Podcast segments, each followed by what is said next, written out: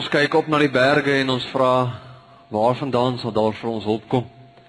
Maar ons is vandag hier as kinders van die Here bymekaar want ons glo ons hulp kom van die Here wat die hemel en die aarde gemaak het en wat getrou bly tot in ewigheid. Amen. Genade en vrede vir julle van God ons Vader en sy seun Jesus Christus deur die kragtige werking van die Heilige Gees. Amen. Kom ons loof die Here met Skrifbreiding 2:5. Dan sing vers 1 en vers 2 O dieptes vol geheimenis wat vir ons oog onpeilbaar is. O wysheidsbron en kennis wat die som van alle dinge omvat. Nog dieper as die hemel rond is God se oordeel sonder grond. En dieper as die diepste see, so onnaspeurlik is sy week.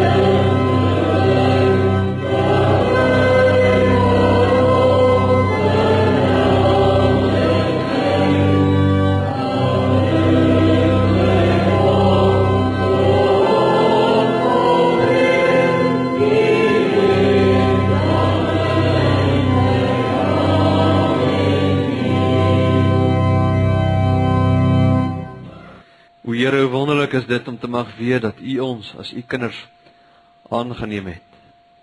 Here, dat U ons skuld vergewe het deur Christus nog voordat ons enige iets van ons kant af kon doen. Dat U U liefde aan ons bewys het en elke dag nog steeds bewys ten spyte van soveel dinge. Ten spyte van van soveel kere wat ons U liefde in U gesig teruggooi. Ja Here, ons dankie en ons loof U dat U vergewe keer op keer. O Here, wil U ook gee dat ons hierdie week wat voorlê, dat ons in daardie vergifnis dat ons daarvan sal drink en dit sal inneem, Here, en dat ons net sal besef wat U werklik vir ons doen en wat U in U seun vir ons gedoen het en waarna U U met ons op pad is. Help ons dat ons elkeen ook net weer binne in onsself sal kyk, binne in ons eie harte. Dat ons net sal raak sien maar uit onsself is ons niks.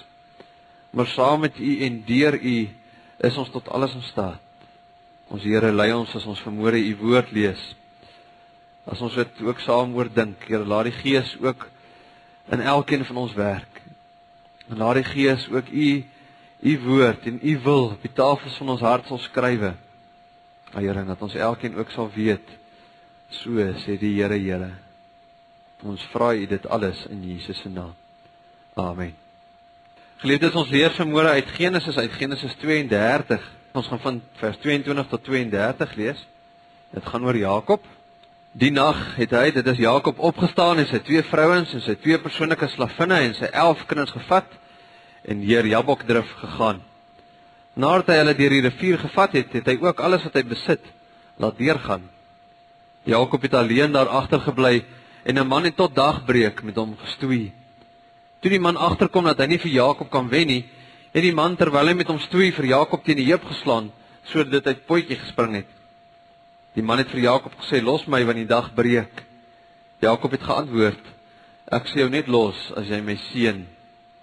Toe vra die man: "Wat is jou naam?" En hy antwoord: "Jakob." Die man het gesê: "Jy sal nie meer Jakob genoem word nie, maar Israel, want jy het teen God en teen mense 'n stryd gevoer en jy het dit end uit volgehou."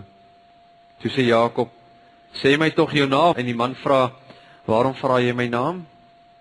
Hy het vir Jakob net daar geseën en Jakob het die plek Pniel genoem, want het hy gesê: "Ek het God van aangesig tot aangesig gesien en tog het ek nie omgekom nie." Net toe Jakob by Pniel verbygaan en die son opgekom, Jakob het mank gebly in sy heup en daarom eer die Israeliete tot nou toe nie die senuweebondel wat aan die heup vaskom nie, want die man het vir Jakob teen sy heup geslaan op die heup senuwee. Ons lees daardie gedeelte en ons gaan maar fokus op daardie stuk geskiedenis wat die Bybel vir ons gee. Nou geliefdes, baie keer hoor ek dat mense sê of in gesprekke wat ek met mense het, veral jong mense wat hulle sê ek moet weer 'n bietjie balans in my lewe kry. Jy sien die afgelope ruk was dit net werk en werk en werk en en hy het ek die Here regtig afgeskeep. En ek kan dit voel. 'n Mens kan nie mens kan nie die lewe sonder die Here aanpak nie. As hy nie deel is van jou planne nie, dan gaan jy nie ver kom nie, so sê hulle vir my. Ek het regtig 'n behoefte om om om met hom te bind of die Engelse woord is wat die mense maar gebruik om om om te bond. Hoe kry 'n mens dit reg? Ek glo dit is wonderlik dat baie mense hierdie hierdie begeerte het om om met die Here te bind.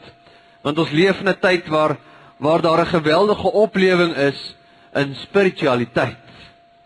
'n Bewustheid van die geestelike sy van ons bestaan. 'n Behoefte aan die belewenis van 'n hoër hand in ons lewe. Iemand wat daar is om na jou te kyk.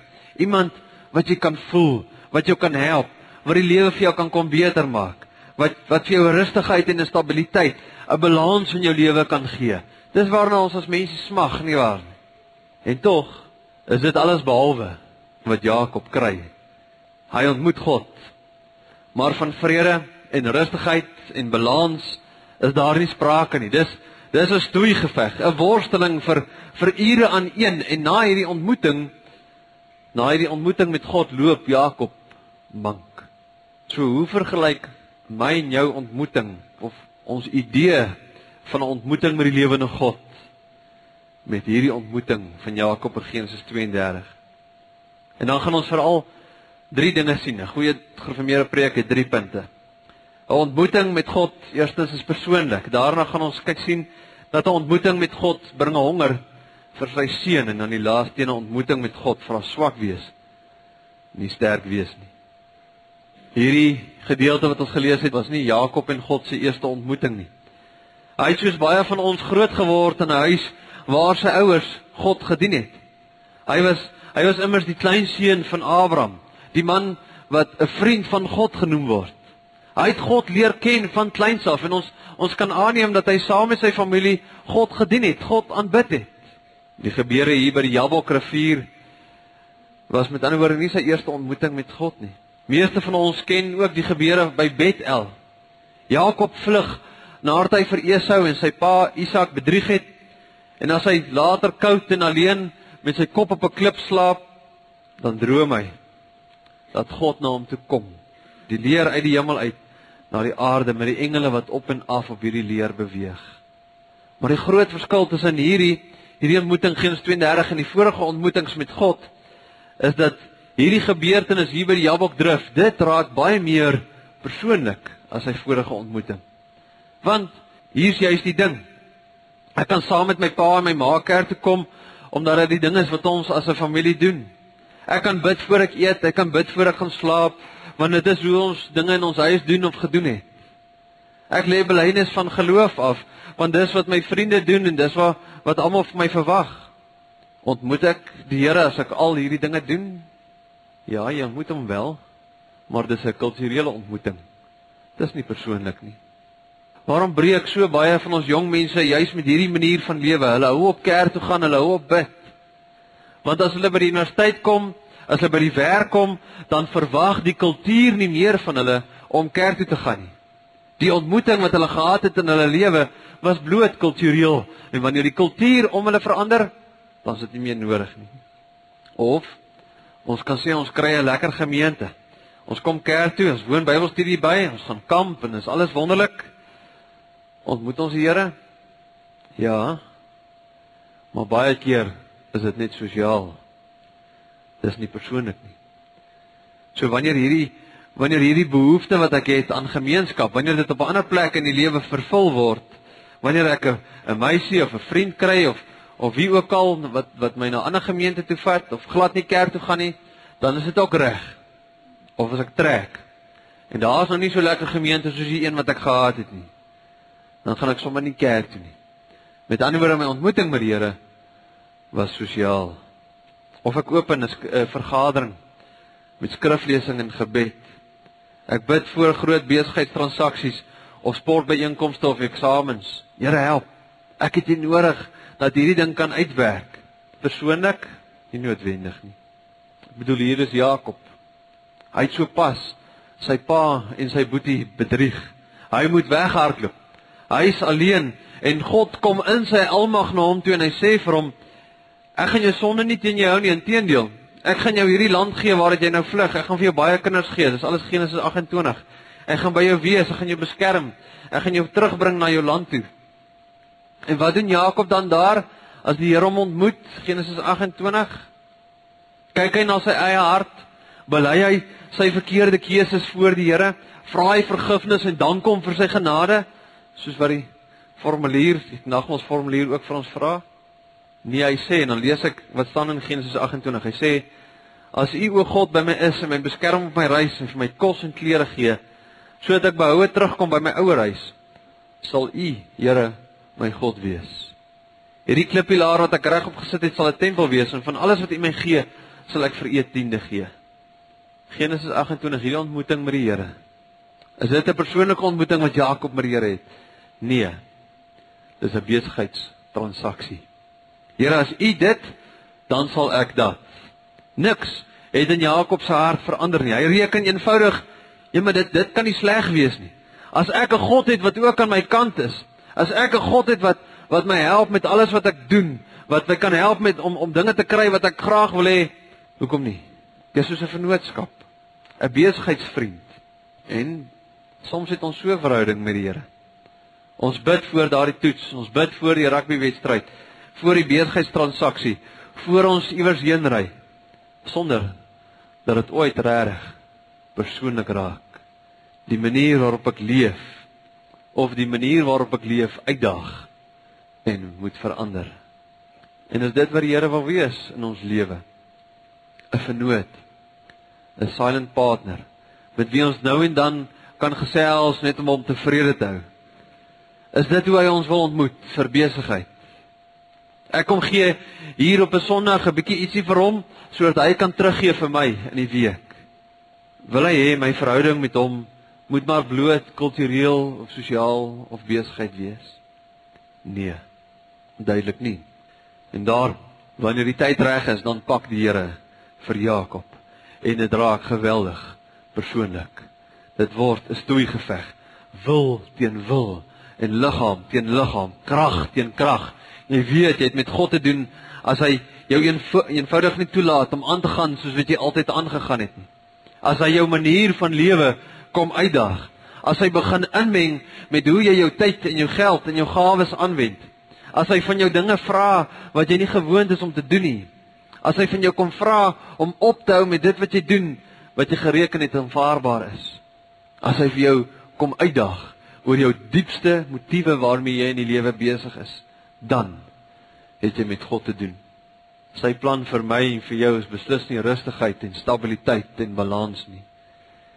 Nee, hy sê, hy sê keer op keer in sy Bybel vra hy van ons wees heilig want ek is heilig.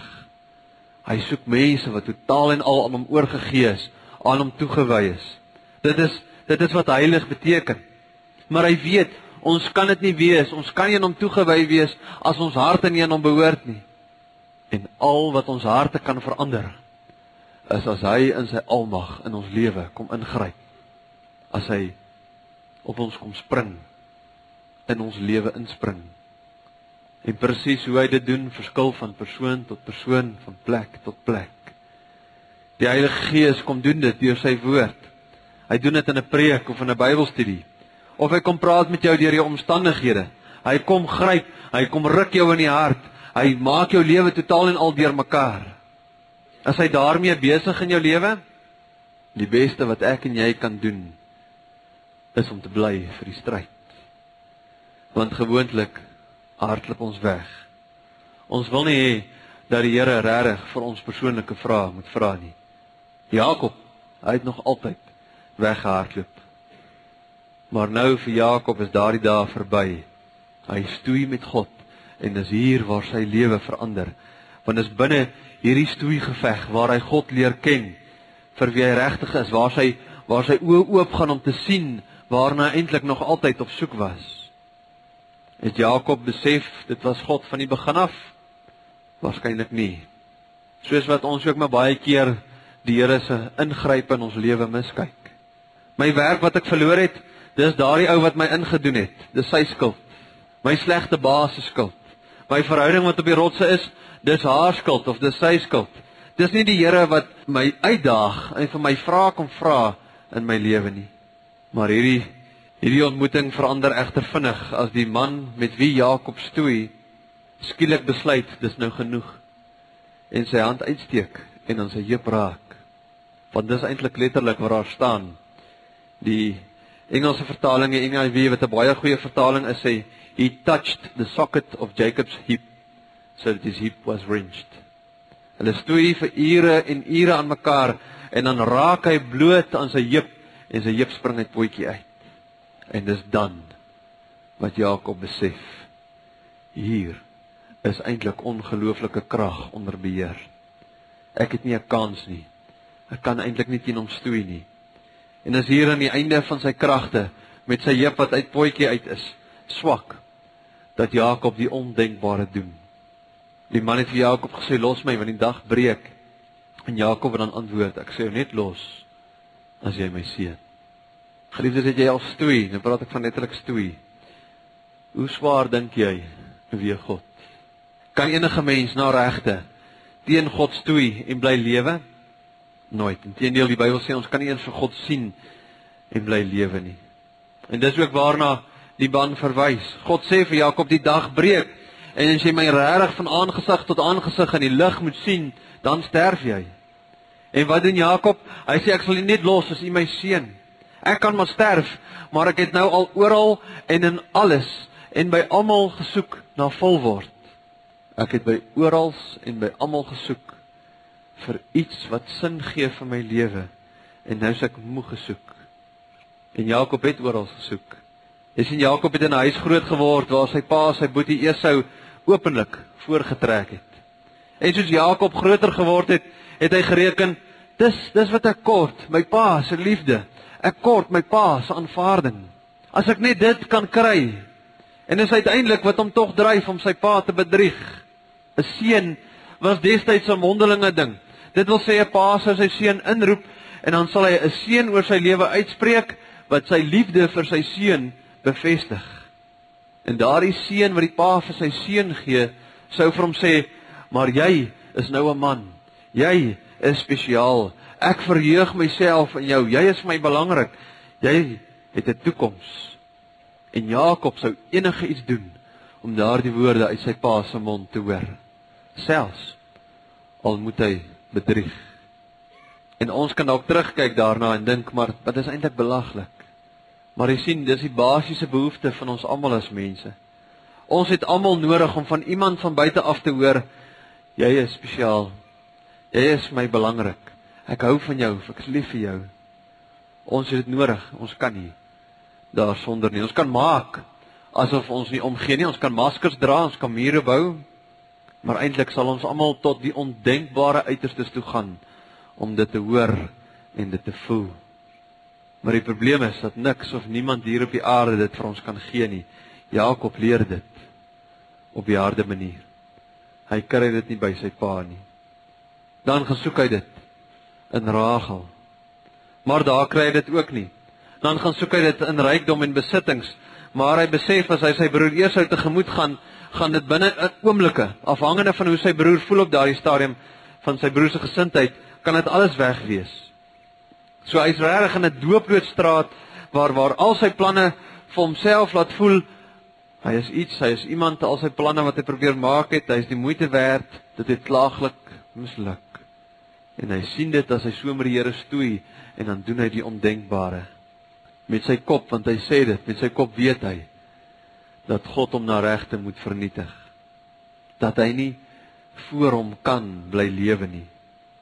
Maar met sy hart weet hy ek kan nie hierdie ontmoeting met God los nie. Die seun waarna ek nog altyd smag waarna ek nog altyd soek dit is nou hier voor my. Ek het nodig om my knie voor hom te buig om te sê Here ek weet ek verdien nie om dit te hoor nie veral nie uit u mond nie. Ek weet nie hoe u dit gaan doen nie want u is heilig. En ek het my hele lewe lank teen u gerebelleer. Maar u is al een wat my lewe reg vir my kan teruggee. U is al een wat vir my kan kom sê ek is lief vir jou. Jy is vir my genoeg. Jy is die moeite werd. Jy het betekenis. Here ek het dit in alles gesoek. Maar ek kon dit nie kry nie. En nou het u my by hierdie punt gebring en ek gaan u nie los nie selfs al verloor ek my lewe. Dis beter om te sterf as om aan te hou om so sonder U te lewe. Dis die punt wat Jakob bereik en dis presies waar die Here vir my en vir jou ook wil hê. By daardie plek waar ons meer in niks en niemand lewenssin soek nie, maar net by die Here. 'n Plek waar ons eerlik kan sê, Here, al moet ek alles verloor, selfs my lewe wat vir my so kosbaar is, vir U los ek nie niks en niemand anders kan vir my gee waarna ek regtig op soek is nie. Ek het nodig om dit uit u mond uit te hoor. U wat my gemaak het, u moet vir my kom sê, jy Dinat, is vir my belangrik. Ek verheug my oor jou. Ek is stil tevrede in my liefde vir jou. Jy is my besonder. Is belangrik. En mag mag ek jou eerlik vra, geliefde, waarna toe gaan jy op die oomblik? Om hierdie woorde, hierdie aanvaarding te kry. Enige iets of enige iemand anders as die Here gaan jou net teleurstel. Jakob het by daardie plek gekom. As hy ja sê vir die stoei geveg en uiteindelik net gekonfronteer word met God se grootheid en God se krag, dan sê hy net u kan my seën. En dan lees ons en hy het vir Jakob net daar geseën. Wat het hy vir Jakob gesê? Ons weet nie wat is die detail van van die gesprek tussen die Here en Jakob nie. Moontlik ek vergewe jou, ek is lief vir jou, jy is my spesiaal, jy is my kind. Ons weet wel dat Jakob 'n nuwe naam kry, Israel. En Israel beteken iets in die lyn van die man wat met God stoei en eintlik volhou of die prins van God. Die bedrieger, die een wat nog altyd weggehardloop het, word die godsman. Die een wat in 'n verhouding met die lewende Here leef, sy hart het verander. Hoekom? Want hy het God persoonlik ontmoet. Hy het God ontmoet vir sy seun, die seun van sy nabyheid. En dit bring ons by ons laaste punt want 'n ontmoeting met God vra swak wees, nie sterk wees nie. Ek hoop julle sien saam met my dat jy God nie kan ontmoet as jy reken jy is baie sterk nie. En 'n ontmoeting met God is ook nie veronderstel om my te laat voel ek is die man aan the man nie. Dit is juis die geweldige kontras dat dat God my liefhet ten spyte van wie ek is en en wat ek gedoen het wat my verander. Jakob moet swak word. Fisies swak, fisies nie in staat om enigiets anders te doen behalwe as om net aan God vas te hou nie. Maar ook geestelik swak en blootgestel. As die Here vir hom vra, "Wat is jou naam?" voordat hy hom seën, dan soek die Here juist daardie swakheid, want hy weet, hy het alles geweet. Dis nie regtig inligting wat God soek nie. Nee, wat God soek is 'n belydenis uit Jakob se mond uit, 'n erkenning van sy lewenswyse. Jakob moet swak word, hy moet sy hart oopmaak en hy moet eerlik voor die Here staan en sê my naam is Jakob, wat beteken bedrieger en dit is wat ek is. Ek is die bedrieger maar ek wil nie meer in die duisternis lewe nie. Ek wil in die lig lewe. Ek wil eerlik wees oor wie ek is sodat U my kan verander. En dan verander die Here sy naam en hy seën hom. En dan verander Jakob se hart ook. Dis al manier, hy moet swak word om te wen. Maar is nie net Jakob wat oorwin deur swak te word nie. God doen dieselfde, nie waar nie? Ek bedoel, waarom waarom kom seën die Here vir Jakob?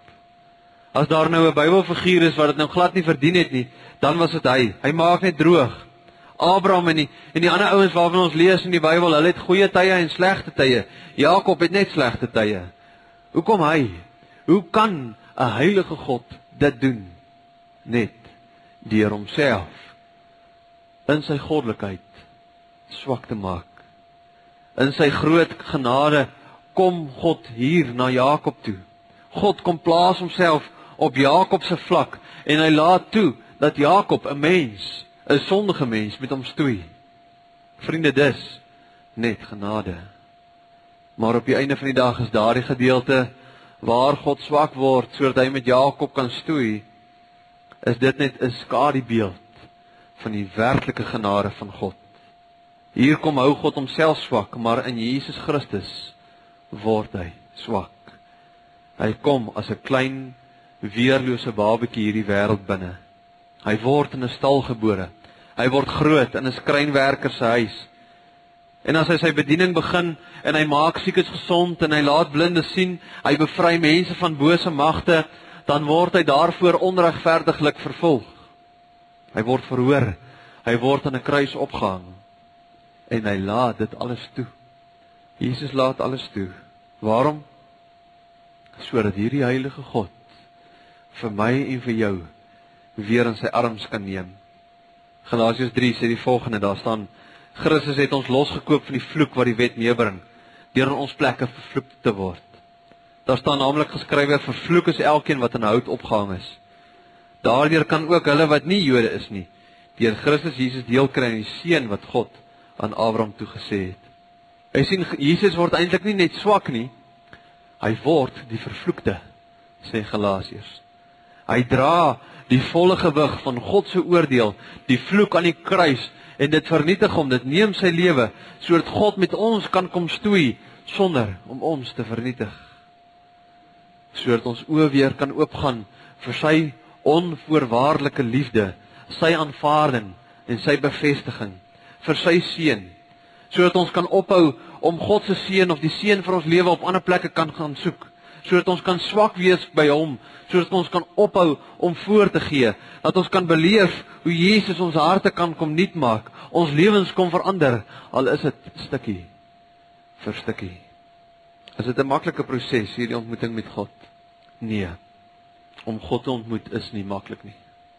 Dis ook nie altyd lekker nie. Dis vol huil en trane en seer. Ek bedoel Jakob loop mank vir die res van sy lewe.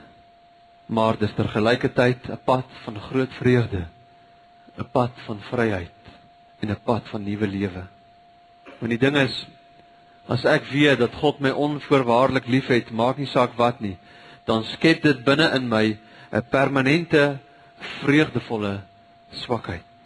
Ek is so bly ek hoef nie meer voor te gee om God se guns te wen nie. Ek hoef nie meer uit te haal en wys om iemand te wees nie. Ek hoef nie uit te haal en te wys om te hoor jy is die moeite werd nie. En Jesus het God dit vir ons kom bevestig. As ons nie die moeite werd was nie, as ons nie spesiaal was nie, sou hy nie sy seun vir ons gestuur het nie. Hy het my lief. En daarom kan ek maar my swakheid wys. Ek kan erken as ek verkeerd was. Ek hoef nie heeltyd alleen te leef en verskonings uit te dink nie. Ek is eenvoudig te bly vir die genade van God om sterk te wees.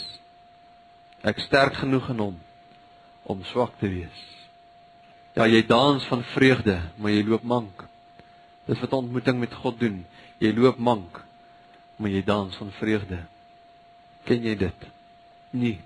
Dan is dit dalk hoogtyd dat jy vir God so ontmoet persoonlik. Dat jy honger sal wees vir sy seën, sy liefde, sy bevestiging en dat jy in jou swakheid eerlik sal wees oor wie jy is want dit is hoe God jou wil ontmoet. Nie kultureel nie nie sosiaal nie en ook nie in die besigheid nie. Hy wil jou persoonlik ontmoet. Geliefdes en kom ons vra ook nou van hom om dit te doen. Amen. Ons Here ons elkeen wat hier is het iets waarna ons hinker iets waarna ons smag.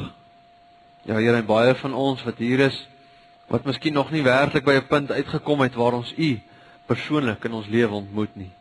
Nee Here, want dit gaan beteken dat ons dinge gaan moet laat gaan, dat ons dinge gaan laat moet verander en dit wil ons nie doen nie. Ag Here, en daarom vra ons dat U ook in ons lewe sal inkom, dat U met ons kom stoei.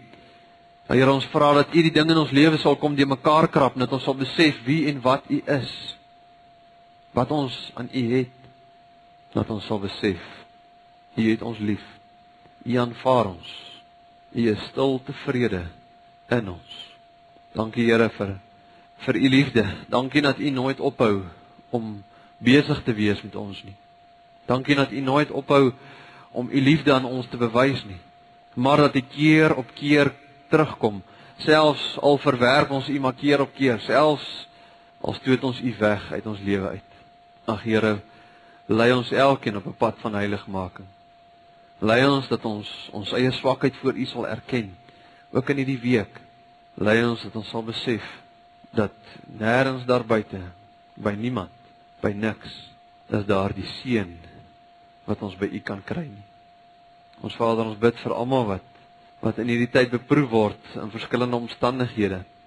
Hulle wat hartseer as gevolg van dood is, hulle wat siek is, hulle wat operasies ondergaan het, hulle wat nog hierdie komende week geopereer gaan word. Here ons bid vir hulle wat worstel met hulle geloof.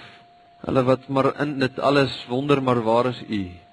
Here wees vir ons elkeen binne ons eie omstandighede en binne ons eie plek waar ons is in ons lewe, wees vir ons 'n God van nabyheid. Hou ons vas. Bewaar ons en troos ons met U liefde en met U gees. O Here, ons vra dit alles om Christus ontwil. Amen. Ons slotlied is Psalm 46. En ons sing vers 1 en vers 6. In vers 6: Hou op en weet, ek is die Heer. Ek is verhoog bo alle vlees. My sal die nasies sien en eer of sidderend vir my oordeel vrees. Die Heer sal in gevaar sy leers om ons skaar, oneindig in getal. Die God van Jakob sal vir ons 'n veilige vesting wees. Sing vers 1 en vers 6 Psalm 46.